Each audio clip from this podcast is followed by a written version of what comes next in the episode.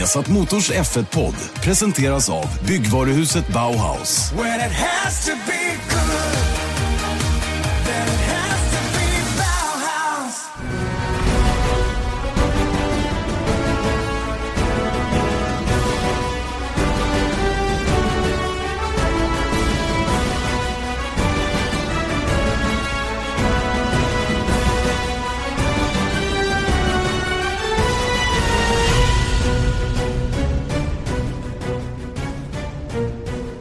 Otroligt varmt välkomna till veckans Formel 1-podd. Vi har satt Motors Formel 1-podd med Janne Blomqvist, Erik Stenborg, så här eh, några dagar efter premiären. Vi ber om ursäkt till att börja med för att vi är lite sena, Erik, men eh, jag måste ju sova någon gång. Ja, ja, men du, faktum är att det är ju faktiskt mer mitt fel tycker jag att den här kommer sent än ditt. Trots ja. att du flög i 48 timmar och började åka till Kina ett tag. Och... Mm, eller hur? Saker. Äh, det är så här, ibland, ibland bråkar logistiken lite. Man, man klarar inte att vara på flera ställen samtidigt. Det är självklart att vi hade velat haft podden ut en tisdag för att liksom debriefa efter eh, premiärracet i Melbourne, Australien. Men det, eh, nu blir det onsdag eftermiddag istället och det hoppas jag går exakt lika bra. Mm. Och faktum är att det höll nästan inte på att bli någon podd för vi kunde inte se varandra och sen så var jag tvungen att gå och kissa.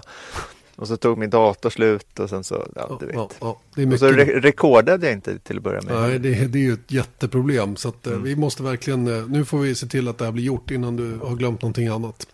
Ja. Eh, hur som helst, eh, självklart ska vi landa väldigt, väldigt mycket i eh, i eh, Australiens Grand Prix nere i Melbourne. Vi har en eh, bra lyssnarfråga också som kommer. Vi ska prata lite McLaren och vi ska prata lite om Liberty. Huruvida deras smekmånad är över eller inte. Så att det finns en hel del att hänga med på under den här närmaste timmen som vi tror att det kommer att bli då innan vi är klara. Eh, allra först eh, börjar vi med Australiens Grand Prix. Den allmänna känslan efter premiärracet. Vad säger du Erik? Vad, vad har du för... Vad, vad, kände du initialt när eh, du gick hem på, på söndag morgon? Efter målgång?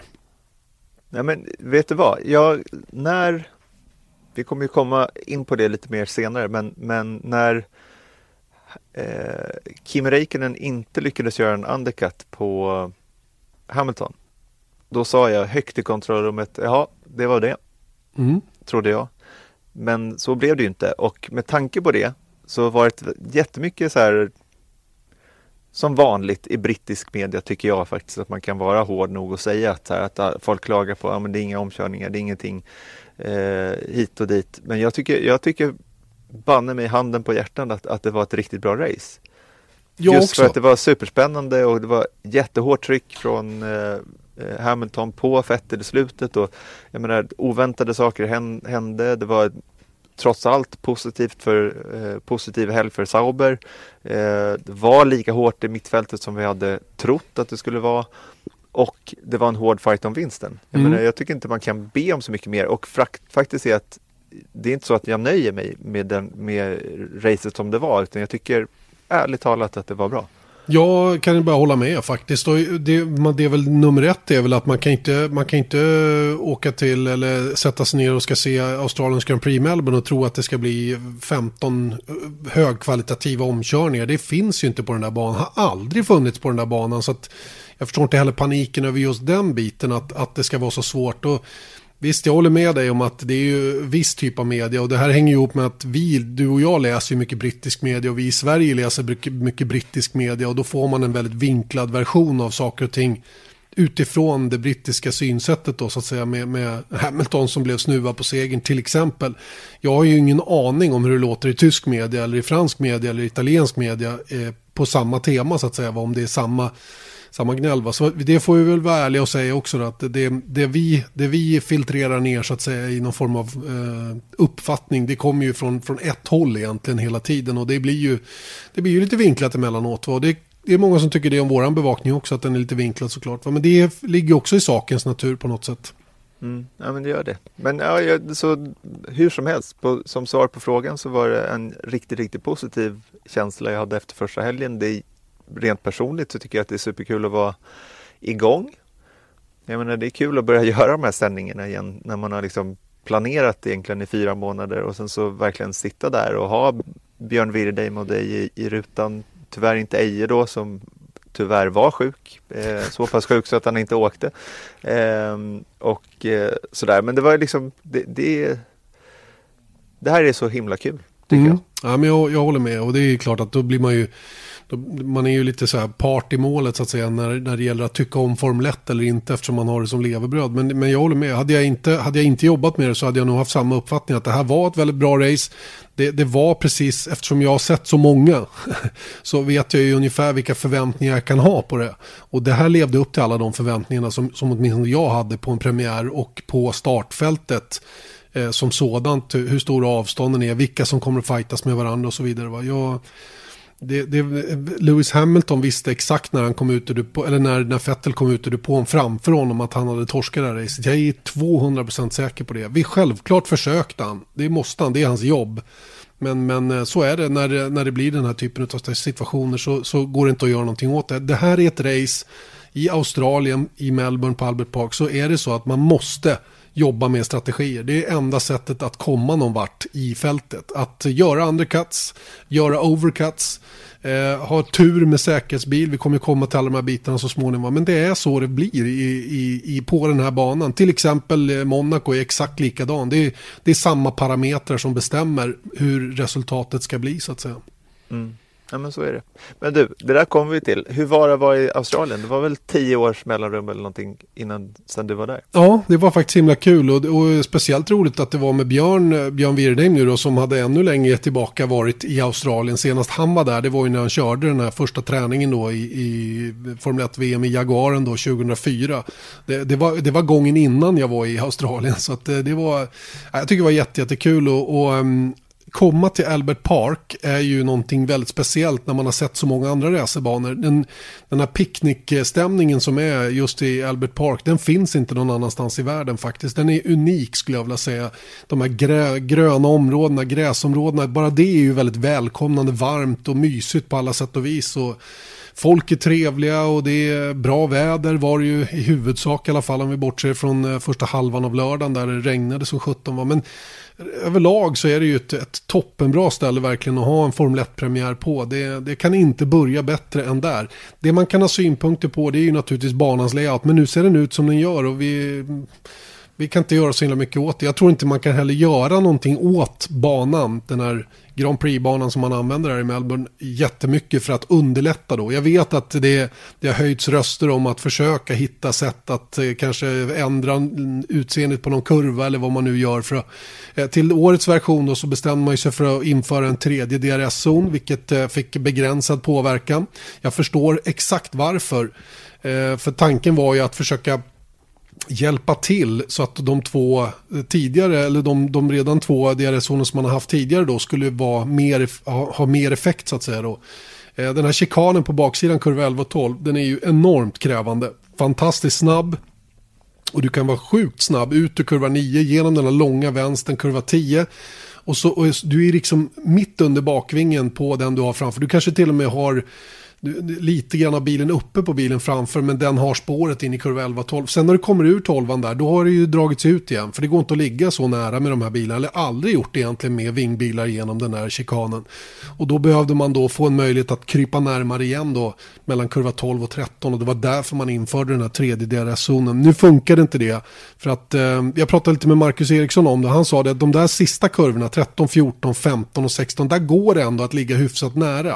Och det var det man ville uppnå uppnå. Att man hade kontakt ut ur sista sväng, ut på första start och mål. Kanske ännu kröp ännu längre närmare då. Eh, men då kommer vi till nästa problem. För kurva 1 och 2 påminner ju väldigt mycket om kurva 11 och 12. Inte riktigt lika snabb. Men vi har samma fenomen. Det vill säga att man, man behöver liksom, dels behöver man ha bilen i rätt spår när man bromsar in i ettan för att eh, vara så snabb som möjligt genom den här chikanen. Och då, då har vi samma fenomen ut på andra DRS-rakan. Så jag vet inte hur man ska komma åt det där riktigt. Om jag ska vara ja, riktigt men jag där. vet. Du vet? Ja. Ja, bra. Ja, men det är ju att man måste ha andra bilar. andra bilar, ja det kanske man ska Nej, ha. men eh, annat koncept på bilarna. Ja, fast alltså, jag, det... satt och såg, jag satt och såg V8 Supercars. Hur många omkörningar tror du var där? Visst skedde det omkörningar.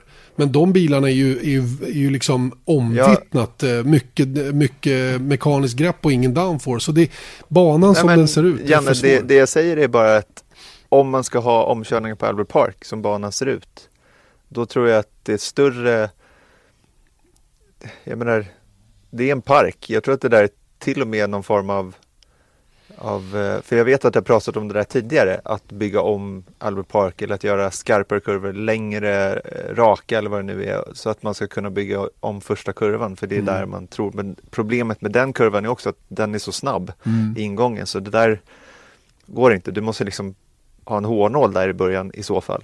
Alltså Kanada-hårnålen ungefär, mm. för att göra det. Eh, och på något sätt så går det inte på grund av ja, bygglov typ. Nej, precis. Om det kan vara.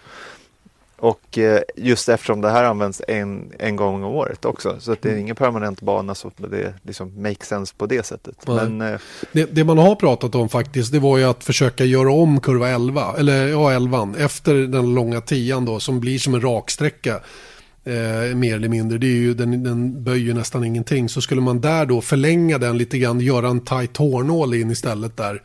Eh, man kanske skulle kunna dyka på innen in i elvan då och sen försvara sig ut eh, i det som blir kvar av 11-12-chikanen så att säga. Det skulle kunna vara en variant. Den, den planen fanns redan till i år men eh, blev blev eh, struken av någon anledning, kanske av just det du är inne på, då, att man inte fick göra det eh, utifrån de förutsättningar som finns på plats och så vidare. Men det, det, nu börjar ju Charlie Whiting hinta om att det kan vara en möjlighet igen, att man diskuterar den här, de här förändringarna i själva layouten för att få till en, en, mer omkörningsvänlig bana. Och det tror jag rent generellt eh, man ska titta mer på än att hålla på och pilla på bilarna för mycket.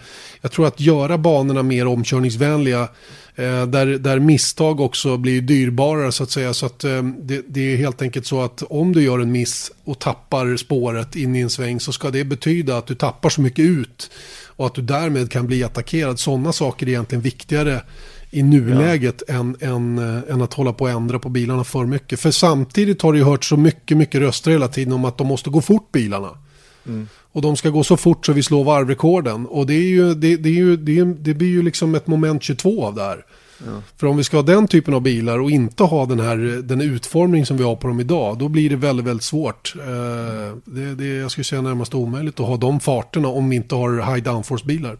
Ja. Men jag tycker att vi har pratat om det här så himla mycket så att jag den. orkar inte ens prata ja. om det längre. Men det som man kan tillägga som avslut på omkörningsfrågan är ju att de tittar på det här till 2021 Hoppas att de kommer på någonting bra. Mm. Dessutom så har eh, Ross Braun då menat som en del i den här omkörningsproblematiken då om man ser det på det viset är ju dels att man ska göra koncepter som kan följa varandra bättre. Men det man kan konstatera, det vi har idag med den här jättehöga downforcen oavsett om, om man kan göra om banan eller göra om bilarna så är, det hjälper ju inte som Nej. det ser ut idag. Nej. Nej, men så är det. Det kan jag hålla med om.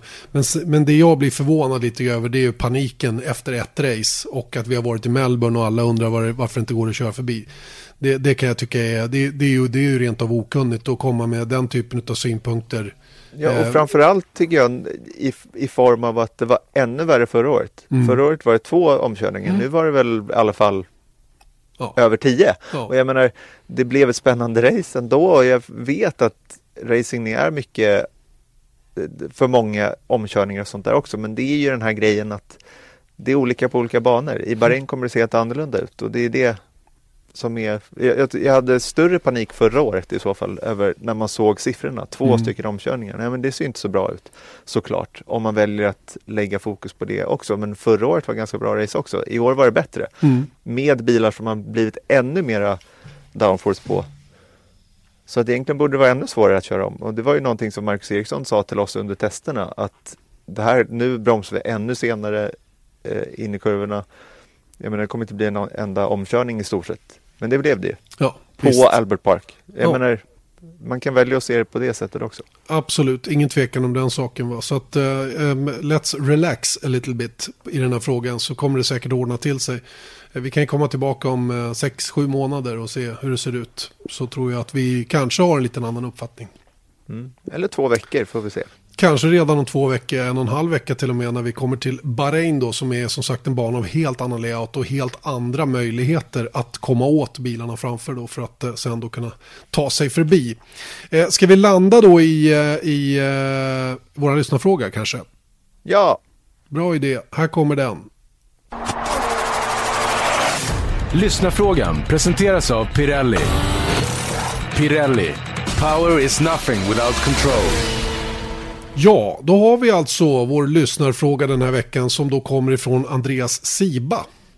Yes. Och eh, han skriver så här till oss på vår Facebook. Facebook.com F1-podden. Dit skickar ni era lyssnarfrågor. Det är absolut enklast att göra dit. Har ni inte Facebook så försök göra det i alla fall. Annars så går det att använda sig av min Twitter. Som är F1 Janne B. Inte Fett-Janne som många tycker. Vilket i och för sig stämmer också. Men F1 Janne B på Twitter. Då kan ni skicka frågorna till mig där. Men Janne, jag tycker vi stänger ner den tanken också. Hur ska vi kunna hålla, hur ska jag kunna ha, det är jag som väljer ut Ja. lyssnarfrågorna. Hur ska jag kunna se det på din Twitter? Ja, men det kan du. Nej, nu, nu, nu skickar ni till Facebook. Ja, så är det. Så är det. Facebook.com snedstreck F1-podden är det som gäller. Okej, då så. Då har vi bestämt oss för det helt enkelt. Vi, Det är vi, så här man måste jobba med Janne. och framförallt så, foten. det är så här man måste jobba med Formel 1. Någon måste bestämma. Ja, Så är, exakt. så är det. Hur som helst, så här låter frågan då. Varför har det blivit så stor grej av att Sebastian Vettel kom ut före både Lewis Hamilton och Kimi efter hans depåstopp? Tänker mest på de förvånade reaktionerna och på att till exempel Martin Brundle till och med tyckte man borde förbjuda depåstopp under VSC, det vill säga virtuell säkerhetsbil. Vad är era åsikter om teorin att Ferrari, likt Monaco 2017, tog in Kimi tidigt för att på det sättet eh, gynna Sebastian? Så det är en tudelad fråga. Visst är det så. Ska och, vi... och då, ja, exakt, jag tycker vi börjar med att gå igenom skeendet.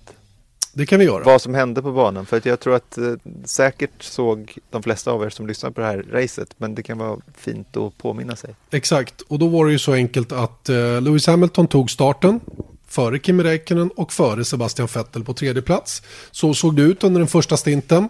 Eh, man låg och körde, man upptäckte ganska snabbt att eh, en och en halv till två sekunder, det var det avstånd man behövde hålla till framförvarande bil för att inte slita på sina däck för mycket. Det är någonting man naturligtvis måste ta hänsyn till. Och därvid låg man. Eh, Kimi var nog till och med kanske tre sekunder eller någonting i det läget efter Lewis Hamilton när Ferrari bestämde sig för att Kimi Räikkönen skulle ta sig in i depån. Han var alltså först utav topptrion att gå in. Anledningen till detta var helt enkelt att eh, rucka lite på Mercedes taktik. För jag, känd, jag har en känsla av att Kimmys depåstopp var eh, tidigt, inte bara för Ferrari, men det var framförallt väldigt tidigt för Mercedes. Eh, det här gjorde ju då att Mercedes var ju tvungna att reagera. Eh, det man gjorde då var att ta in Lewis Hamilton och eh, Lewis Hamilton klarade ganska lätt att komma ut eftersom det var bara ett varv som Kimi hade fräscha soft. Och Lewis Hamilton kommer då ut framför Kimi men naturligtvis bakom Sebastian Vettel. Vad gjorde då Ferrari? Jo, de bestämde sig för att hålla kvar Sebastian Vettel på banan. För han hade fortfarande liv i sina däck. Och det är det här jag liksom lutar mig mot när jag säger att både Kimmy och Hamiltons depåstopp blev tidigare än de hade planerat. Eh, och eh, Vettel körde på eh, och anledningen till att man gjorde på det här viset var ju att Vettel var ju ohotad bakifrån. Det hade nog sett helt annorlunda ut tror jag om Red Bull hade varit närmast bakom och legat och skuggat Vettel. Då hade de inte använt sig av den här taktiken. Det hade till och med kanske varit så att Red Bull om de hade till exempel haft Max Verstappen i växellådan på Fettel varit de som gjorde en undercut på Fettel för att försöka ta sig förbi och därmed tvingat Fettel att gå i depå. Nu behövde inte Ferrari tänka på det sättet utan de kunde låta Fettel köra och sen så eh, se vad som händer helt enkelt fram till dess att Fettel ändå till slut skulle bli tvungen att komma in. Och det är ju här vi kommer fram till då att de har lite tur. För att det som händer är ju att de båda Haas-bilarna går in för sina depåstopp och bägge två som kommer in med ganska tätt mellanrum blir stående på banan efter felaktiga depåstopp där de inte får fast hjulen. Det som hände då var ju att man alltså använde sig av virtuell säkerhetsbil för att ta bort bilarna eller för att underlätta bärgning av de här bilarna. Man trodde att det skulle kunna gå att rulla undan dem för hand lite snabbt och geschwint. Nu gick inte det. Eh, Framförallt Grosjeans bil. Framförallt Grosjeans bil ja. Och eh, när, när, eh, när VSC är på banan då passar ju naturligtvis Vettel på att komma in i ledningen. Och eh, när han går in, gör sitt depåstopp så kommer han ut då med någon sekund till godo på Lewis Hamilton framför Hamilton och framför Kimi Räikkönen. Det är själva skeendet. Eh, Så långt är det, är det det som har inträffat då. Och som jag sa tidigare då, i det här läget så förstod ju Lewis Hamilton att han hade förlorat det här racet. För att det går som sagt inte att köra förbi på den här banan. Inte när två bilar är så jämna rent fartmässigt som Ferrari och Mercedes är. Och han hamrade på allt han kunde. Och sen har det ju då blivit, och det är ju efter det här det har blivit diskussioner då huruvida huruvida Ferrari offrade Kimi Räikkönen för att uh, sätta fart men, på... Men det kommer vi sen. Vi svarar på första frågan till att börja med och det var varför de här reaktionerna? Just det. Varför har till exempel Martin Brundle gått ut och sagt sådana här saker att man ska förbjuda depåstopp under virtual safety car. Varför sa till exempel Jolyon Palmer som nu är expert för BBC, eh, BBC Radio, att Vettel inte var en värdig vinnare? Ja. Jo, men det tror jag är så pass enkelt förklarat att det är nationalistisk stolthet. Helt enkelt. Det var Hamilton som, som ledde. Han Visst, man kan tycka värdighet är, är, är, en sak i frågan. Jag tycker inte det, för det handlar om vem som kommer över mållinjen först och det är klart, har, har du liksom prejat av, av någon banan, då är det kanske lite ovärdigt, men då blir man bestraffad för det generellt sett. Eh, jag menar, eh, att, att Palmer säger en sån sak, att Vettel inte är en värdig vinnare, det är ju så det är i Formel 1. Jag menar, safety cars och virtual safety cars, det är en del i det taktiska spelet. Ja, Eller hur? Ja, det är en del i spelet i alla fall. Eh, och någonting som man antingen kan utnyttja eller, eller, eller ha oflyt med så att säga. Va? Det är, framförallt kan man ju aldrig veta när det inträffar. Det är ju helt Nej. omöjligt. Det går inte att planera för sådana saker. Vi vet att de pratar om säkerhetsbilsfönster och sådana saker när de kommer till pit window. Och, och att de vill vara säkra och så vidare till höger och vänster. Och i det här fallet så, så um, um, en annan del, ja vi kan ju stanna kvar vid frågan om varför de inte tycker Fettel är en värdig Jag förstår inte det helt ärligt. Jag tycker inte heller att, uh, att Martin Brandels uh, åsikt att man ska förbjuda VS, eller VSC då under, under, eller att man förbjuder depåstopp under VSC. För, jag fattar inte det heller. Jag menar han har ju kört jättemånga år och haft sam, han, även när han tävlade så var det precis samma sak. Man har ju antingen tur eller så har man otur med säkerhetsbil. Nu har man VSC. Visst, det kanske, det kanske öppnar upp möjligheterna ännu mer eh, med tur eller otur. Och jag vet inte, det, jag, jag, kan inte riktigt förstå det. Det är klart att när Hamilton förlorar vinsten på det här viset så tycker kanske de här, precis som du är inne på, det, att det är av rent, eh, ja de är partiska helt enkelt. Ja, men jag, för jag kan inte se det. Alltså, det är som att det är första gången någon vinner eller förlorar ett race på grund av, av uh, safety cars. Jag menar, uh, vi pratade om ett exempel innan i Barcelona i fjol när uh, Marcus Eriksson var på god väg att ta poäng. Mm. Men han går in precis innan safety car kommer ut. Och därav blir hans race förstört och istället tar Wehrlein poäng. Det är klart att vi som svenskar var ju besvikna på den frågan. Men det är inte så att vi hoppar på så här, nej men det där ska man förbjuda. Det blir, det blir fånigt tycker jag. Det, jag. Jag tycker faktiskt det är fånigt. VSC används enbart för att göra bärgningar, underlätta på, för säkerhetsarbete på banan. Och det kommer alltid att finnas ett, en, en, eh, ett mått av eh, ett mått av tur eller otur när det gäller den här typen av situationer. Så enkelt är det. Och så länge inte man kan förutse sådana här grejer, vilket man inte kan, så, så kommer alltid någon att gynnas och någon att missgynnas. Den här gången handlade det om segern. Och det är väl det kanske främst som har gjort att det har blivit då en sån stor grej. Vilket är Andreas fråga, varför det har blivit så stor grej och för det handlade om segern i racet. Det tror jag är, för jag menar, det här hade ju kunnat handlat om nionde och tionde plats. Och, och, då, och, då, och då hade det ju inte blivit alls lika upplyst som det har blivit nu.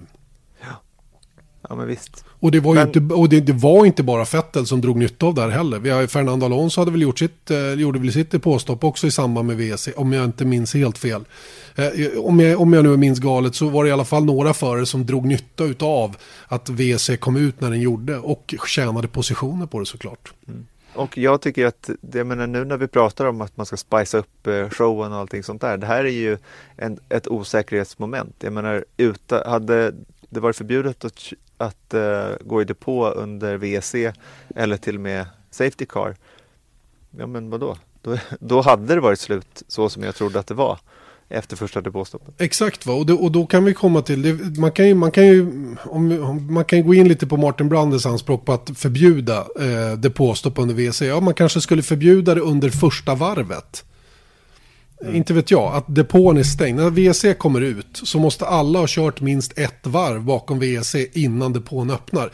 Man kan ha den typen av regler, självklart, för att, eh, för att minimera um, uh, turmomentet så att säga i just en sån här situation. Då. Men va, titta i amerikansk racing, där använder man ju sig av eh, säkerhetsbil för att, för att få bättre show så att säga. Va? Ja. Där och, blir det helt plötsligt gul flagg utan att det har hänt någonting på banan. Ja, för typ. att samla upp fältet. Typ, ja, men de gör ju det i nästa. Ja, ja, men visst, visst är det så. Va? Och, då, och då, det kan man ju också ha synpunkter på naturligtvis. Om det är, är det bra eller är det artificiellt eller vad det nu är för någonting. Va? Så att det, ja, ja, men det här är inte artificiellt. Det är bara en regel som finns som man kan utnyttja eller inte. Eller, eller ha tur med eller inte. Mm. Jag, menar, jag tycker slutdiskuterat. Jag, jag tror i alla fall att det är anledningen till att äh, varför det blir så starka reaktioner just den här gången. Jag menar det har i, i och för sig hänt tidigare också. Det var väl i Monaco 2015 av samma anledning med så som Mercedes säger software problems sett till då hur de hade räknat ut strategiskt då när de skulle gå i depå. Då mm. förlorar mm. Hamilton-racet till Vettel också, ja, tror jag. Mm. Eh, men jag menar... Just softwaren är ju intressant, eller mjukvaran då, som man tycker har räknat fel. Då. Det, är ju, det, är ju, det är väl den som har matat in datan i mjukvaran som har räknat fel kanske. För varan som sådan gör ju bara det den är tillsagd. Men, men grejen är ju att um, det här, Merca hade ju förmodligen kunnat klara ut det här om Hamilton hade åkt hårdare direkt efter sitt depåstopp och haft en tillräckligt stor lucka. Och det är ju den beräkningen som blev galen för deras del, för det är väl säkert någon som undrar det också. För Toto Wolf var ju ganska snabbt ute med att det är någonting i deras deras simuleringsmjukvara då som har räknat galet, vilket gjorde att den lucka då som, som eh, Hamilton såg till att ha till Fettel inte var tillräckligt liten. Den hade behövt vara mindre då för att han skulle varit framför när Fettel var klar med sitt depåstopp. Och det är det här, det här kan de ju räkna på, eller man har programvara då som räknar på det hela tiden. Och det här blev ju galet. Det var väl mer det som ställde till det för, för, för Hamilton den här gången. Ja, det var därför de gjorde det på det sättet också. Mm. För att jag menar, det, det, var ju, det var ju ganska intressant när man hörde Hamilton på radion. Vad hände? Mm. Och de bara, eh, vi tittar på det. Just det. Så, och han, för de, var, de var inte alls säkra på vad som hade hänt. De var nej, lika förvånande som alla andra. Exakt va, och, eh, och Hamilton sa, eller gjorde jag någonting fel? Säger han då. Mm. Nej, han hade ju åkt på sina deltatider som han hade fått och anledningen till att man ger deltatider direkt efter ett påstopp för det var en ganska lång avslutande stint som skulle göras och man vill inte liksom fresta på grejerna för mycket men jag är rätt säker på att Hamilton hade pace och, och täppa till den här luckan lite grann och därmed se till att ganska lätt vara före Fettel även om det skulle komma ut en virtuell säkerhetsbil då, i det läget när den gjorde. Mm, säkert. Men då går vi vidare på del två i den här frågan. Alltså vad är våra åsikter om teorin att Ferrari likt i Monaco 2017 tog in Kimi tidigt för att på något sätt gynna Sebastian Vettel? Mm. Det är mycket möjligt att de gjorde det, att de använde Kimi, eh, Kimi som, en, som en bricka i spelet att försöka slå Hamilton på ett eller annat sätt. Va? Men jag tror inte det. Jag tror att, jag, jag tror att man ärligt försökte, eh, försökte på Lewis Hamilton på det enda möjliga sättet man hade. Nämligen att göra en undercut och väldigt tidigt. Eh, naturligtvis med, med eh, i bakhuvudet då att säkerhetsbilar och virtuella säkerhetsbilar kan inträffa i Melbourne och man ville testa Eh, det så mycket som man kunde då eftersom Fettel var ohotad bakifrån. Eh, han, han hade ju ingenting att oroa sig för i det avseendet. Så där hade man råd att ha honom ligga kvar utan att han skulle förlora någon placering när han gick i depå så småningom. Va? Och det var, ju hela, det var ju hela den grejen som gjorde att Kimi kunde gå in tidigt på en undercut på Lewis Hamilton. Som jag sa, hade, hade, hade Verstappen legat och skuggat Fettel hela tiden då hade ju, då hade ju inte Ferrari kunnat jobba med den taktiken så att säga. För då hade ju Verstappen lätt tagit sig förbi Fettel. Mm. Men det är det jag tror också, att det, är lätt att se det här. Jag, jag, det är lätt att se hur de kom fram, konspiration, konspirationsteoretikerna. Det är lätt att se hur de har tänkt för att Haas är kunder till Ferrari. Och det var de då på ett väldigt mystiskt sätt då eh, fick bryta båda, båda bilarna. Det här var inom två minuter ifrån varandra. Efter båda depåstopp så får båda bryta på grund av en hjulmutter. Det, det är liksom det är som att blixten slår ner två gånger i samma huvud. Liksom. Mm. Eh, det händer inte. Eh, och sen dessutom då så kunde man ju anse då att de tog in Kimmy så att säga för tidigt och lät Vettel stanna kvar i ingenmansland. Varför gjorde de det? Mm. För att jag menar, men man kan vända åt det här åt två håll för jag tror att de tog in Kimmy tidigt för att de var rädda för att bli undercut eller att, de, att Hamilton bara skulle ta sitt depåstopp och sticka iväg. Mm. Jo, någon, någon måste ju agera och den som jagar måste ju hålla i taktpinnen. Mm. Det blir ju så på något sätt. Va? Eftersom, eh, ja, och i och med att Mercedes dessutom var lite försvagade. För det får man ju ändå säga att de var i och med att Valtteri Bottas inte var med i matchen överhuvudtaget. Så hade ju Ferrari en liten chans att rucka på det. På det sättet de gjorde. Så att, nej, någon konspiration, det har, det har jag verkligen svårt att se. Och varför ska man då offra båda bilarna i Haas? Men det var ju massor med poäng på spel. Och jag menar, 22, 22 säk ganska säkra poäng hade Ja. de tagit sig mål.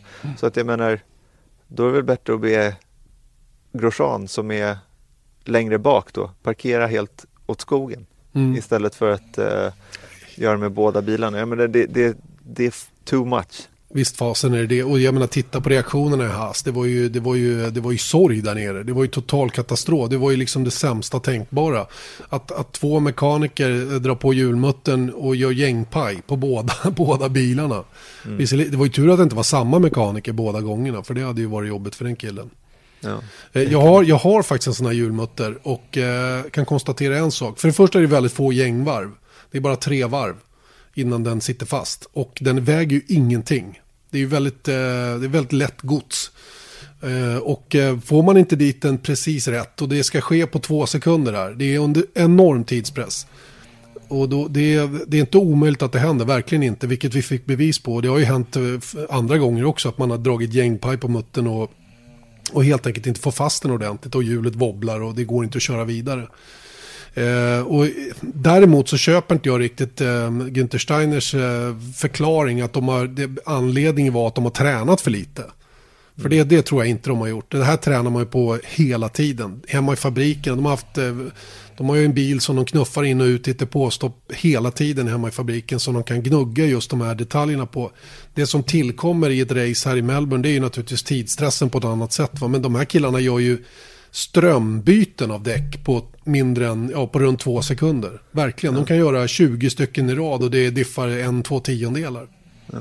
Men det han säger är ju det är ju för att vara schysst, Günther Steiner, i det uttalandet. Jag hörde den intervjun nämligen eh, live och det han pratar om är att det var ett, en mänsklig faktor som gjorde det här. Är du hungrig eller?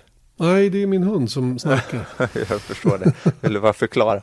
Eh, nej men det han säger är ju att det var mänskliga faktorn men man kan inte eh, Han tar ju på sig det själv så att säga. Han är ju ädel i, i sättet han uttrycker sig. Han säger att Jo men om en sån här grej händer så är det inte den enskilde personens fel utan då har vi inte tränat tillräckligt mycket och det är mitt ansvar som, som teamledare att se till att alla är så väl förberedda och folk inte är trötta efter den här långa första helgen. Mm. Eh, det är på det sättet han uttrycker sig, vilket är ju fint. Men jag menar, och sen så tydligen var det så att de hade tränat lite mindre än vad som var tänkt Mm. just eh, den här helgen eftersom eh, de hade problem med bilarna på fredag. Vet du vad jag däremot tror? Och jag har inget belägg för det här. Men när det händer på två hjul, på liksom, två hjul på två olika bilar och med så kort eh, intervall. Jag undrar om de kanske hade någon ny lösning. Mm. Om de hade någon annan variant på den här hylsan som ska på muttern. Någonting sånt. För vi ska ju veta det att muttern sitter ju fast på fälgen med hjälp av en hylsa på insidan. Så, så muttern som tidigare låg ju i hylsan på mutterpistolen. Men så är det ju inte längre. Utan den sitter ju på fälgen. Med en liten hylsa på baksidan. Det är möjligt att de hade testat, de har tagit fram någon ny, någon ny grej som skulle funka snabbare, enklare, inte vet jag. Något som skulle underlätta snarare än försvåra för mekanikerna. Och så blev det bara totalt tvärtom av alltihopa. Men eh, det, det, jag tror det kommer vi aldrig få reda på hur, hur det var egentligen. Utan det är väl någonting de håller hemligt i sånt fall. Om det är någon ny lösning då som de tror kommer att vara effektiv framöver. Vi kan vara säkra på en sak i alla fall. De i Haas-teamet kommer att undersöka det här väldigt, väldigt noga för att det inte ska hända igen. Verkligen. Och vi kan konstatera att vi tror inte att det här var en konspiration. Det är Nej. alldeles för långsökt för att kunna verkligen vara inte. Verkligen inte. Tvärtom. Tvärtom. Det var, eh, det var Murphys lag. Mm. Och eh, med det har vi väl svarat på lyssnarfrågan, men vi kan väl fortsätta vidare lite i en så kallad kvällstidningsdag två. Just det det. Just det. Och det talas ju om att andra team nu vill undersöka Haas då den är väldigt lik fjolårets Ferrari och det som trycker igång det här är såklart att det är oerhört, det är en remarkabel liksom, uppryckning de har gjort från ett år till ett annat. Mm. Jag menar att de ligger, vad, vad var de, femma, sexa, Mm. fyra, femma? Ja, där, fyra, femma var de ju då när, när eh, de gick inte på. Ja. Och eh, jag menar, det ska inte Nej, hända. fyra, sexa var de, förlåt. Ja. För Grosjean var bakom Verstappen. Mm, förlåt. Eh, och eh, då börjar ju såklart då rivaliserande team, vad är det frågan om? Mm. För de var ju inte bara best of the rest, utan de var ju liksom före resten så att säga. Mm, före, vad jag ja, de, var för, de var före Red Bull till att börja med i racet här och i, i kvalet så hade de ju åtminstone en Red Bull bakom sig. Så att det, nej men det, de, de har gjort enorma framsteg och det här redan i, i Melbourne under helgen så, så var ju eh, Fernando Alonso ganska tydlig med att eh, han tyckte att det var en Ferrari-replika och det var ingen som skulle vara förvånad över att Haas var så snabba som de var. Nej. Och, ehm, ja, och då svarade Günther Steiner på att ja, det är bara dumt, det är, det är okunnigt att svara på det eller säga på det sättet eftersom eh, bilen i år har längre hjulbas och det kan inte vara en replika på fjolårets Ferrari. För det är det, det är det man pratar om i huvudsak då. Men, men ehm, ja, jag, jag, har inte heller speciellt svårt att förstå att de här diskussionerna startar. Jag läste idag eh, även Force India nu och McLaren tycker att FIA ska titta noggrant på det här för att se om, om, bilen, eh, om bilen helt enkelt eh, överensstämmer med det reglemente som gäller när det handlar om att köpa in delar på bilarna. Och det, det är ju front suspension, alltså främre hjulupphängning kommer från Ferrari på hasbilen och den bakre hjulupphängningen kommer också från, från Ferrari på hasbilen. Motor, växellåda, hela drivlinan bakom föraren. Det som Haas måste ha designat själva är ju de aerodynamiska ytorna och chassit. Och det lägger man bort till Dalara, ett italienskt företag. Som, som eh, ja, Som använder Ferraris vindtunnel. ja, eh, det också. Så Så att det- jag menar, jag kan förstå att frågorna kommer upp. Själv, självklart är det så. Och eh, nu läste jag också vad Gary Anderson då som är expert på autosport säger om hela den här frågan. Va? Att han menar ju på att Eh, ehm, man ska vara försiktig med att kasta skit på Haas i den här frågan. För att det har varit ett antal som man kallar det court cases genom åren då. Som ofta blir väldigt, väldigt långa och utdragna och det är ingen som Ja, man kommer sällan till någonting i dem där för det är så svårbevisat. Va? Det är otroligt svårbevisat att säga att den här delen är felaktigt, eh, felaktigt gjord. Va? Eh, på ett sätt då så att den är för lik då, eh, eh ursprungsprodukten så att säga. Mm. Eh, och han menar ju på att eh, teamen ska lita, måste lita på att FIA har koll på att bilen överensstämmer med reglementet. Det är, det är det enda de kan göra helt enkelt. Och, och, och luta sig mot att de som går igenom bilarna vid besiktningen vid tävlingshelgerna, de är egentligen inte, det här måste de göra på ett annat sätt. Och det är möjligt att FIA kommer fram till att vi måste nog ta oss en titt på hasbilen om det kommer fler förfrågningar om att göra det så att säga. va. Men det är i slutändan är det FIA själva som måste bestämma det och komma fram till att det finns grund för en sån noggrannare besiktning av bilen så att säga. Mm. Och den som gått ut väldigt tydligt med det här att han vill se en riktig undersökning av hasbilen i jämförelse med fjolårets Ferrari är Ottmar Safnauer som alltså Force Indias, vad är han, teamchef? COO, Chief Ja, CO. Operating Officer, Ja. vad det nu är. Ja, det är väl COO då Ja, på något ja, sätt. Ja. Men det jag menar då är att scrutinering, alltså besiktningen på banan, de tittar på om bilen överensstämmer med reglementet. De, gör, de undersöker inte bilen och tittar på okej hur såg det ut i fjol? Är det här en lånad del eller vad det nu är? Men jag menar svårigheterna i att kontrollera det här är ju jätte... För att jag menar det vi kan konstatera är att både Haas och Ferrari är oerhört medvetna om att man inte att man får inte gå för långt här. Och blir de påkomna så kommer det bli repressalier för båda. Skäligen. Mm. Men jag menar hur kontrollerar man då och säga så här att men det är klart att Haas designar sin egen bil. Men om de får ett papper från Ferrari eller ett mail som säger så här ni skulle kunna designa det på det här viset för att få det att fungera. Mm. Ja, vem kan kontrollera det? Ja, jag vet inte. Ja, ja det, där, det där övergår mitt förstånd. Hur man ska kunna, hur man ska kunna liksom komma fram till och, bevi, och framförallt bevisa en sån här fråga. Jag, jag ser det som väldigt, väldigt, väldigt eh, svårt.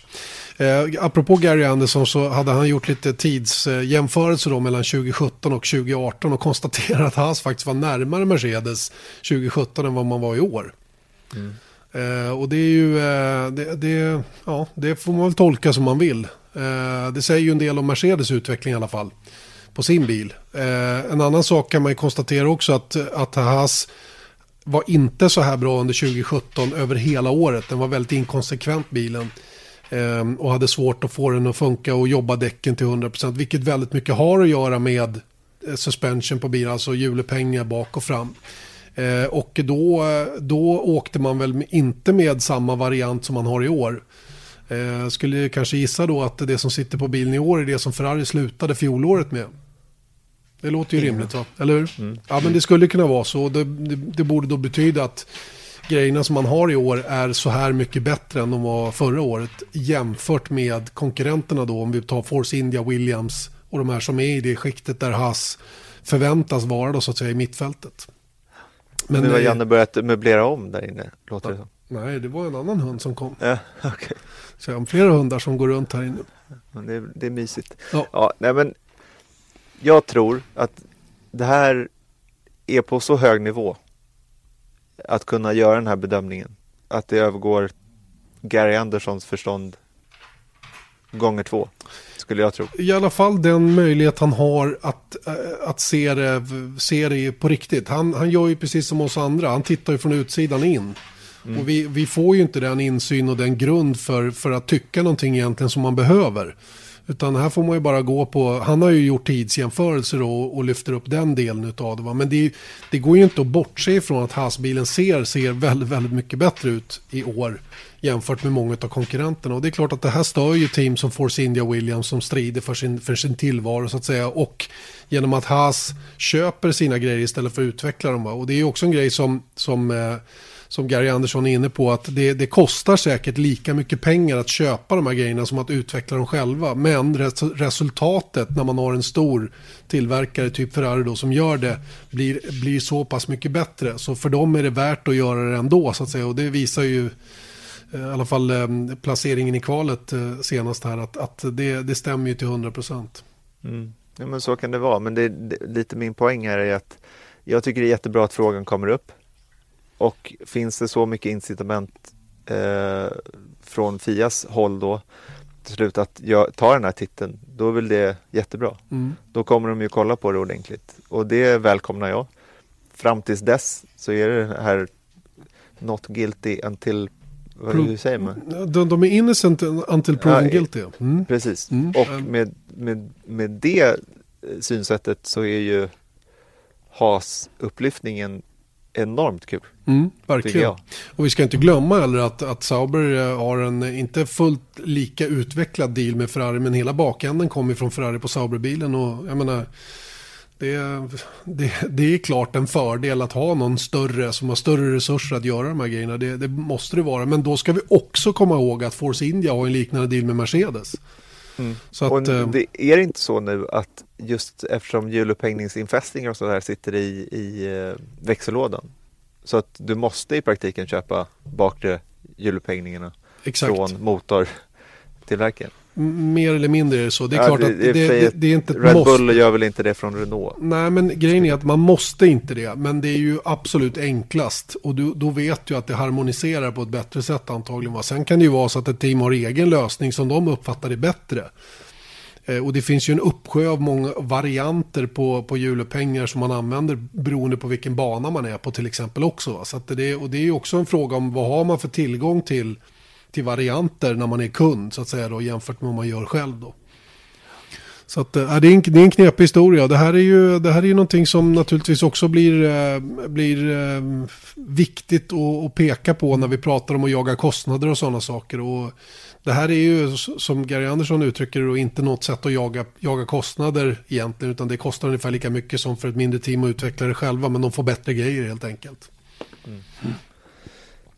Och så är det med den saken. Så är det med den saken ja. Och eh, vi får väl se vad som kommer att hända framöver. Ja, det här, jag tycker det är ett, det är ett spännande område. Och, och fram, men som, precis som du säger, det, det, det roliga är av alltihopa det är ju faktiskt att Haas har tagit så stora kliv framåt. Att de är ett, ett, ett till team som är med och kanske nosar på McLaren och Renault. Mm. Och eh, det passar ju bra då att glida in lite på McLaren. Deras första helg nu då tillsammans med, med Renault eh, som motortillverkare då. Vi har ju pratat oerhört många gånger under vintern här om att de inte längre kan gömma sig, eller vi, det har väl de själva också sagt, att nu har vi inget att gömma oss bakom och många andra har sagt också. När vi nu ser slutresultatet då, Alonso femma och van Dorn på nionde plats så, eller åtta blev van Dorn va? Blev han, blev han nio? Ja, åtta blev han va? Ja, nia kanske. Ja, du, du ser, man har ju redan glömt och man är fortfarande jetlaggad. Hur som helst, McLaren ligger fyra i VM med det resultatet poängmässigt. Och det är ju deras... Nia bara. Var ni? Okej, okay, bra. Eh, och eh, det är ju deras mål inför den här säsongen att vara, eh, vara fyra i konstruktörs-VM. Men frågan är om, om farten som man visade eh, var så bra som man hade hoppats. Mm. De är ganska långt bakom, eh, sett i kvalet i alla fall, bakom de, de eh, som man krigar främst med. Dem. Red Bull då. på tal att, ja exakt, men då, på, tal på, på tal om att förtjäna sina platser, förtjänade Alonso och McLaren att va, nu vara fyra i VM, om man ska använda det synsättet. Och det bygger ju på att eh, Verstappen snurrade, båda hasbilarna eh, bröt. Mm. Och jag menar, utan de sakerna så hade Alonso varit eh, på P8 och van Dorn hade varit på eh, utanför poäng. Mm. Ja, då hade de inte varit fyra VM längre. Så att jag menar, men jag menar, nu var de det. De tog chans, eller Alonso tog chansen när den kom och, och allt sånt möjligt. Men jag menar rent fartmässigt så är de inte på fjärde plats. Nej, och du vet om, om, om Haas visar sig vara så här snabba även i fortsättningen och Renault också tar kliv framåt, då, då kan det ju finnas risk för att, för att McLaren får, får kriga som idioter för att överhuvudtaget ta VM-poäng. Mm. Och det tror jag inte de hade räknat med när säsongen startade. Inte så Nej. som det har låtit i försnacket i alla fall. Nej, de skulle ta pallplatser och segrar, kanske inte till första racet, men de skulle vara där. Mm. Och det är mycket möjligt då att de sa ju det innan helgen, att det här skulle vara deras sämsta bana på hela säsongen. Men jag menar, det är lite det här snacket som har gått från McLaren de senaste åren, att här, om inte bara X är så hade vi varit hit. Ofta så har det handlat om Honda.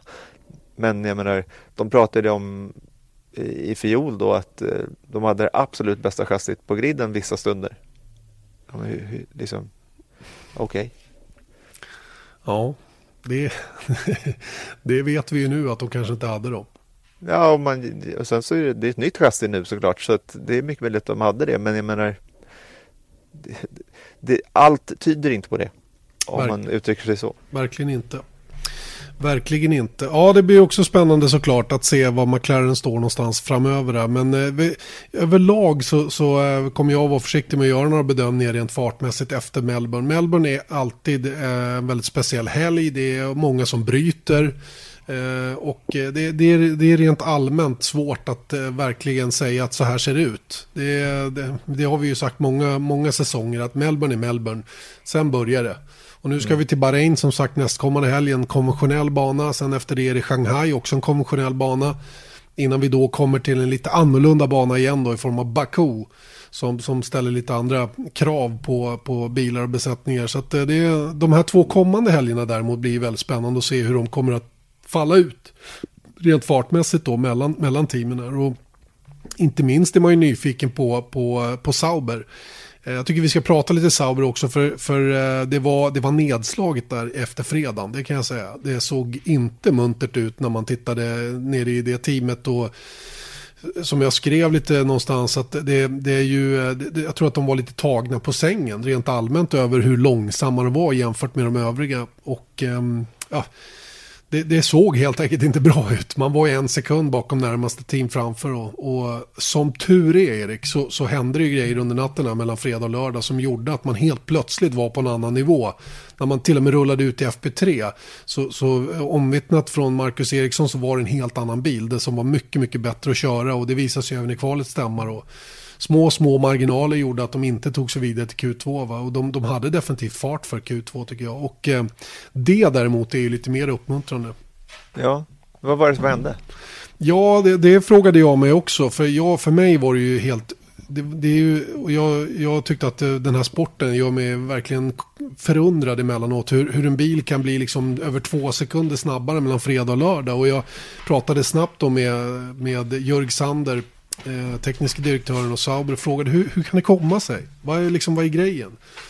Och då sa han det att vi, vi, ehm, vi körde långt ifrån optimerat på fredagen. Vi körde konstant sock hela tiden. Eh, man höll inte på och laborerade med hur man laddade upp batteriet och man hade jämn effekt från motorn hela tiden.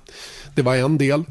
Eh, och man, man provade lite setup-grejer då som gjorde kanske att man aldrig riktigt var i fönstret när bilen arbetar som allra bäst då. Och ehm, Eh, det gjorde man ju någonting åt till, till, ehm, till lördagen. Eh, man byggde om bilen bak till ganska radikalt. Och eh, vad man gjorde det har jag ingen aning om. Men helt uppenbart gjorde det stor skillnad. Och sen började man naturligtvis att vrida på allt man har på ett annat sätt då till lördagen. Johan sa också att man hade kört med reasonable amount of fuel på fredagen. Alltså att man hade en ganska tung bil under körning på fredagen och kanske mer än vad många av konkurrenterna använde. Så att det skulle då vara förklaringarna till att det blev sån stor tidsförbättring mellan fredag och lördag. Mm. Det, det, man kan konstatera ändå är att lördagen visar ju ändå att nu är de med i mittfältet, åtminstone i Melbourne. Och eh, även i deras fall så får det ju gå några helger till då innan vi kan säga att så är fallet. Va? Men, men eh, helt klart tycker jag att eh, de, de visade på Ja, de visade att de är med i matchen i alla fall på ett sätt som, som många hade hoppats på på förhand och som nog då till slut fick bekräfta. Ja, vi är i alla fall någorlunda där. Jag mm. menar, de, de, är inte avhängda. Verkligen Något inte. som vi pratade om under test, testen också, att vi, det var väl det vi kunde konstatera därifrån, att de inte några ja, ersätter inte Force India på fjärdeplatsen i VM. Nej, men, nej. men eh, de är med. De är med och de har slagläge på ett annat sätt att, att komma någon vart längst bak där. Och det, det tycker jag är uppmuntrande ändå. Eh, sett till förarnas insatser så var det väl ganska förväntat det också. Eh, Leclerc var väldigt långt efter på första träningen, nästan en sekund bakom Marcus Eriksson och sa själv att han, var, han, hade, han hade underskattat banan i Melbourne. Eh, och som vi konstaterade där nere så har ju han såklart kört den i simulator massor med gånger, inte minst i Ferrari simulator. Han tillhör ju Ferrari Driver Academy, har ju naturligtvis alla möjligheter att få köra hur mycket han vill i den simulatorn för att förbereda sig. Men det var ändå, tror jag, lite grann av en chock att väl komma ut. Sen så var han bara en tusendel bakom i, i ehm, i andra träningspasset och gjorde stor skillnad där. Men där, det, det hade också sina anledningar till att Marcus hade ett, ett varv som ja, blev förstört av olika anledningar. Och, och det, det, var större skillnad än bara den där tusendelen. Va? Men det spelar egentligen ingen roll nu. Sen till lördagen så tycker jag att Leclerc gjorde ett himla bra kval. Han var inte heller långt ifrån att ta sig vidare till Q2. Man hade satt ihop sitt avgörande varv. Han sa själv att han gjorde lite misstag in i kurva 4. Vilket då blev, blev anledningen till att han hamnade så långt ner som han gjorde. Eh, för Marcus Erikssons del så tycker jag det var en väldigt stabil helg. Han sa redan från fredagens första pass att han körde väldigt bra. Han tyckte allting satt perfekt och, och rullade på utan några som helst konstigheter. Och han ville egentligen inte göra jättemycket med bilen men han blev ju oerhört besviken när han såg hur långt efter han var. Mm. Och det kan man ju faktiskt förstå när känslan ändå är god och så kommer man tillbaka och tittar på klockan och så är man bara ingenstans. Mm. Eh, men, men eh, det lyckades man göra någonting åt över natten. Då. Han fortsatte ju då att vara snabbare än Leclerc rakt igenom hela den här helgen. Han gjorde dessutom det han hade förutsatt i racet. Att försöka ta en placering i starten. Tog sig förbi eh, Brendan Hartley. Och hade slagläge på dem framför och hängde med bra pace, inga konstigheter. Nu hade ju inte han heller haft några stora möjligheter att förändra sin position på den här banan såklart. Utan det, det man ställde hoppet till var att försöka eh, försöka ha tur med strategi och sådana grejer och på det sättet kunna ta sig uppåt då, och till och med kanske hoppas då inom citat på att folk skulle bryta framför då för att eventuellt ha möjlighet att ta då en, någon enstaka VM-poäng. Mm. Antagligen så hade inte det nått hela vägen fram sett till resultatlistan eh, därefter för I, han hade nog inte varit före eh, Carlos Sainz Nej. I, i mål. Han kanske hade kunnat vara 11. Mm, precis. Vilket hade varit jättebra såklart. Men jag menar, det var helt inte... Okay. Helt ja. okej. Eh, Sainz är lite kul. Han hade ju problem som vi hörde då med drickaflaskan. Som eller motorn till den här vattenanordningen som bara pumpade vatten i munnen på honom hela tiden. Han svalde, han svalde, han svalde. Till slut blev han så full i magen så han, han blev illamående. Mm. Och vi, vi ställer oss frågande till hur sjutton kunde det vara så? Varför kan han inte bara peta ut den där lilla... För, för grejen är att dricka sitter inne i hjälmen. Det, slangen går inne i hjälmen så att säga. Så sticker sen är det lite olika om man har en sån här som man biter på eller om man har en slang där det bara rinner in när, när man trycker mm. på knappen med hjälp av en elmotor. Och, och den där hakar ju upp sig uppenbarligen och för Science och det där bara rann in i munnen på honom. Och slangbiten som han har den går förmodligen en bit in i munnen. Jo, men det, det är som ni sa i magas avslutande magasinet på viasortsport.se. Det är väl bara, det är fortfarande någonting som går igenom balaklavan ut från hjälmen. Jag menar, det, släpp ratten i en sekund. Ta ditt pekfinger och peta ut den. Och låt det rinna bara. Ja, men jag, jag satte faktiskt på mig min egen hjälm när jag kom hem. Ja. Får jag Och, prova? och, och, ja, men lite, jag ville, jag ville liksom se hur mycket, hur mycket utrymme finns det egentligen. Och pilla in ett finger med en stor handske eller en handske på. Det är inte jättemycket utrymme där att komma åt och göra någonting under de här korta raksträckorna som finns på den här banan. Det är klart att det Ja. går. Ja, men det är det jag menar. Att, att ja, men de håller på att ändra vred och prylar på ratten hela tiden. Det kan ju inte vara svårare att komma åt en drickaslang. Nej, kanske inte. Tycker jag. Sen, jag tycker liksom, drick så mycket du vill och spotta ut resten. Ja, ja. Det finns många frågor på det där som man skulle vilja fråga Carlos Sainz om faktiskt. Varför, han, varför det blev som det blev. Jag är lite förvånad att ingen ställde den frågan. men Att kan du inte ta bort den där grejen i munnen så att du inte får allt vatten. Men uppenbarligen så. Det gick väl inte. Han drack tills han sprack, höll jag på att säga. Det gjorde han väl inte, men nästan. Hör du, nu tycker jag vi ska gå på vår sista punkt. Mm. Som jag tycker är lite iögonfallande.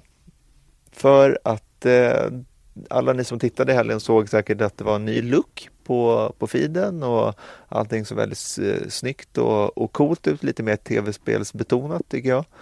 Eh, och det fungerade inte speciellt bra. Det var ganska mycket problem med tidtagningen igen. Mm. Eh, Jag såg någon, eh, någon som postade det på, på Twitter till mig också men jag såg det även live på, på, på feeden att det står när de gör en sån jämförelse mellan avstånd står det last name mot last name. Mm. Så att de har liksom inte fått in det. Jag tänkte på när folk bröt i söndags då så stod de kvar i tidslistan som plus 2,3 sekunder bakom fast de hade brutit för sju varv sen. Jag menar det är mycket sådana där grejer som inte fungerade. Dessutom så skulle de launcha sin F1 TV Pro streaming i tjänst som är nu uppskjuten på obestämd tid så vitt jag vet. Eh, För att de inte är där tekniskt. Och Mm. det här är någonting som jag tycker är lite intressant. För när vi pratade med Dieter Renken där under sista testet i Barcelona så var det här någonting han påpekade att jag undrar om de är redo att göra det här tekniskt. Jag tyckte att han var då lite gammalmodig som inte hade tro på att de skulle kunna ordna det här. Uppenbarligen då så hade han väl mer information eller en bättre magkänsla än vad jag hade i att de inte lyckades göra det. Och jag tycker inte att de var helt klara med det grafikpaketet och den sändningen. Jag tycker inte speciellt att världsfiden var speciellt välproducerad heller måste jag säga. Ja, jag håller med. Och det var några andra saker jag, som jag tänkte på. Det var till exempel vilka däck eh, föraren förarna hade gjort sina tider på. Ska ju också framgå i grafiken mycket, mycket tydligt. Och, och vad de åker på för däck tydligare och sådana saker. Va? Så att, nej, jag, jag måste säga att det, det, det, de, de imponerade inte med den här första tävlingens äh, grafikpaket. Och den är ju så super, superviktig för upplevelsen.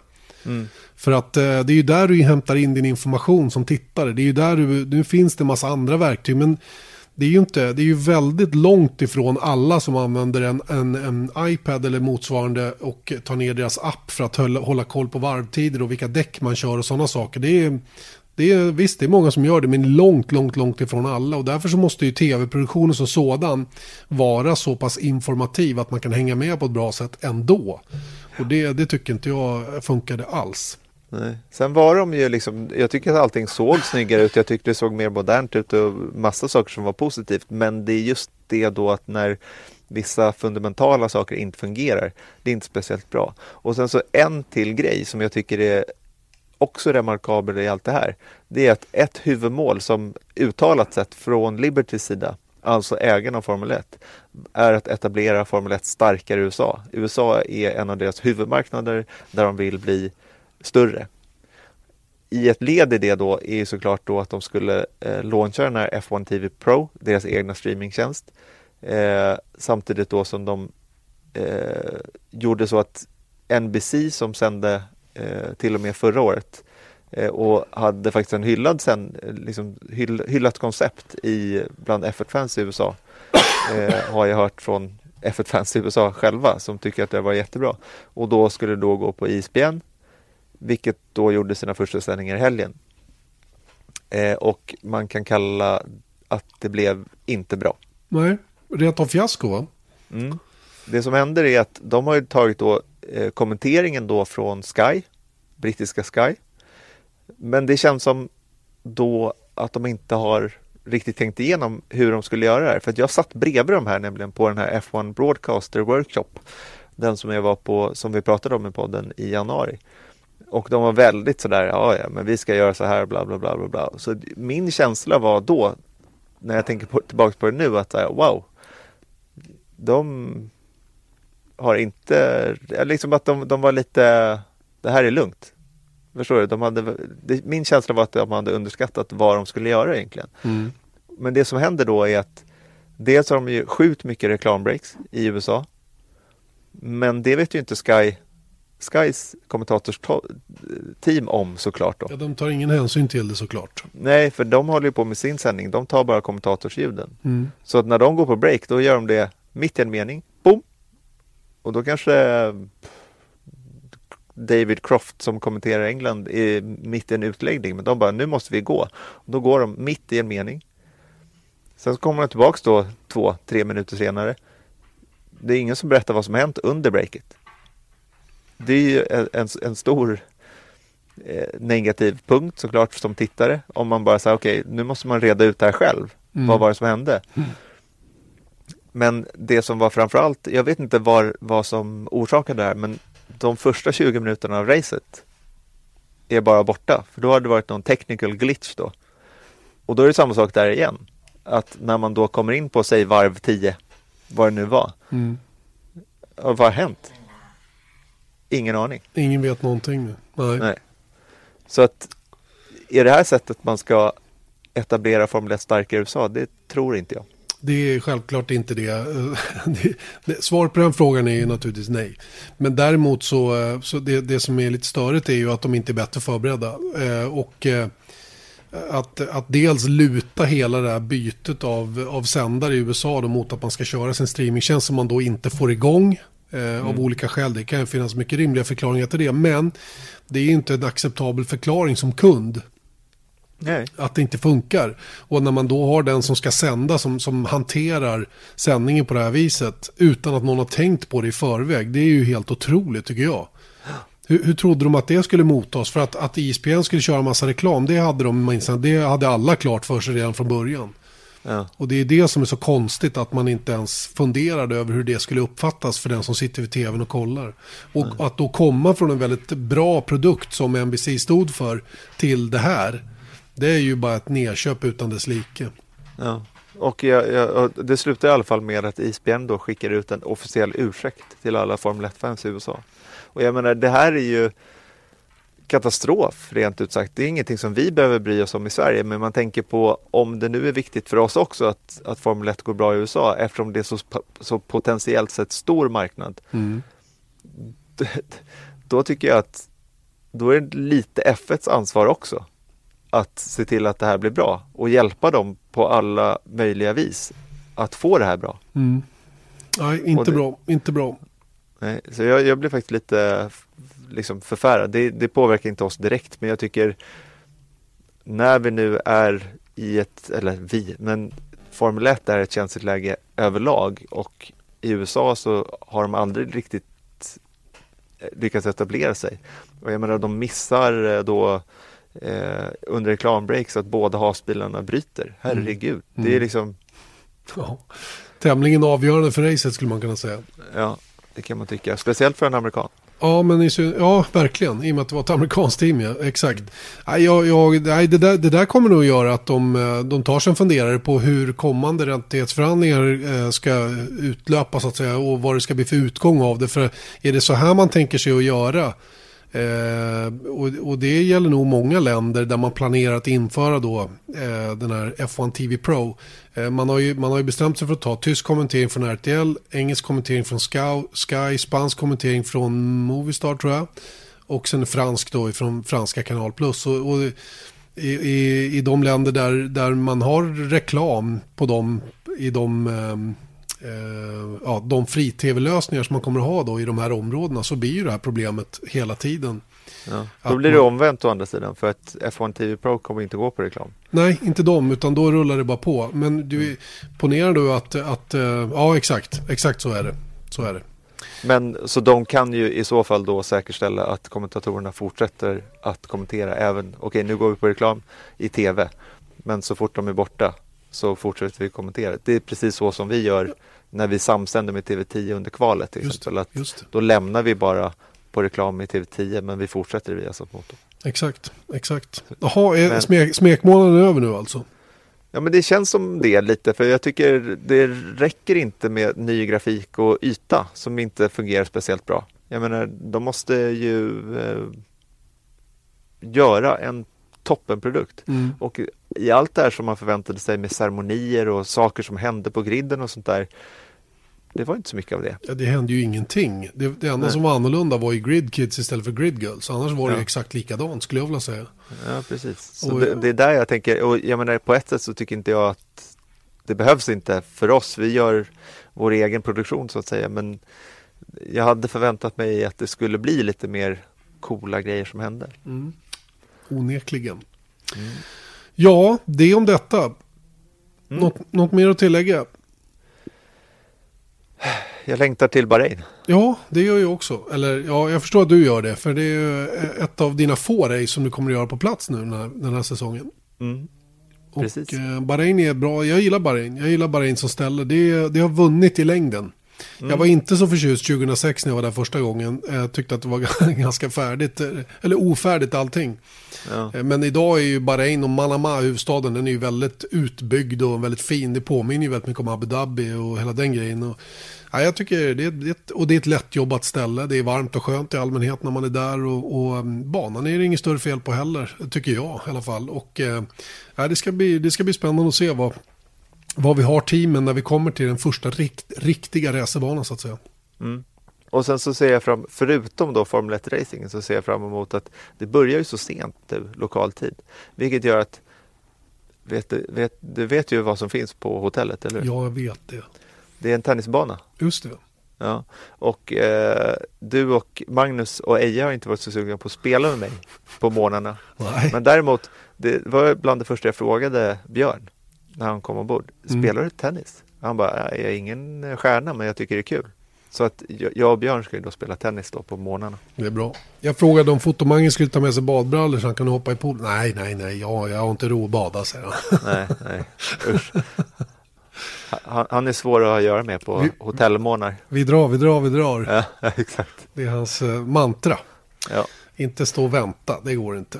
Vi ska ut och fara. Han, eh, han lovade ju att ställa upp i podden Ja, han ville ju. Han, han, han tyckte, vi har frågat hundra gånger och han sagt sonika nej, men nu, nu är han supersugen. Han ljuger. Men han tog chansen i alla fall att marknadsföra sig själv lite grann. Det är bra. Det är Då stänger vi butiken för idag alltså korrekt. Mycket bra. Det var trevligt att prata med dig Erik. Eh, veckans eh, Formel 1-podd därmed över. Vi är tillbaka om en vecka igen. Det blir då dagen innan vi båda flyger till Bahrain då för att bevaka nästa race. Då kommer det en ny sån här preview från Pirelli också när det gäller däck och sådana saker. Och det ska bli spännande att se också vad vi får ihop till den veckan. Den här veckans podd är i alla fall slut. Vi säger tack och på återhörande. Janne Blomqvist och Erik Stenborg. Vesat Motors F1-podd presenterades av byggvaruhuset Bauhaus.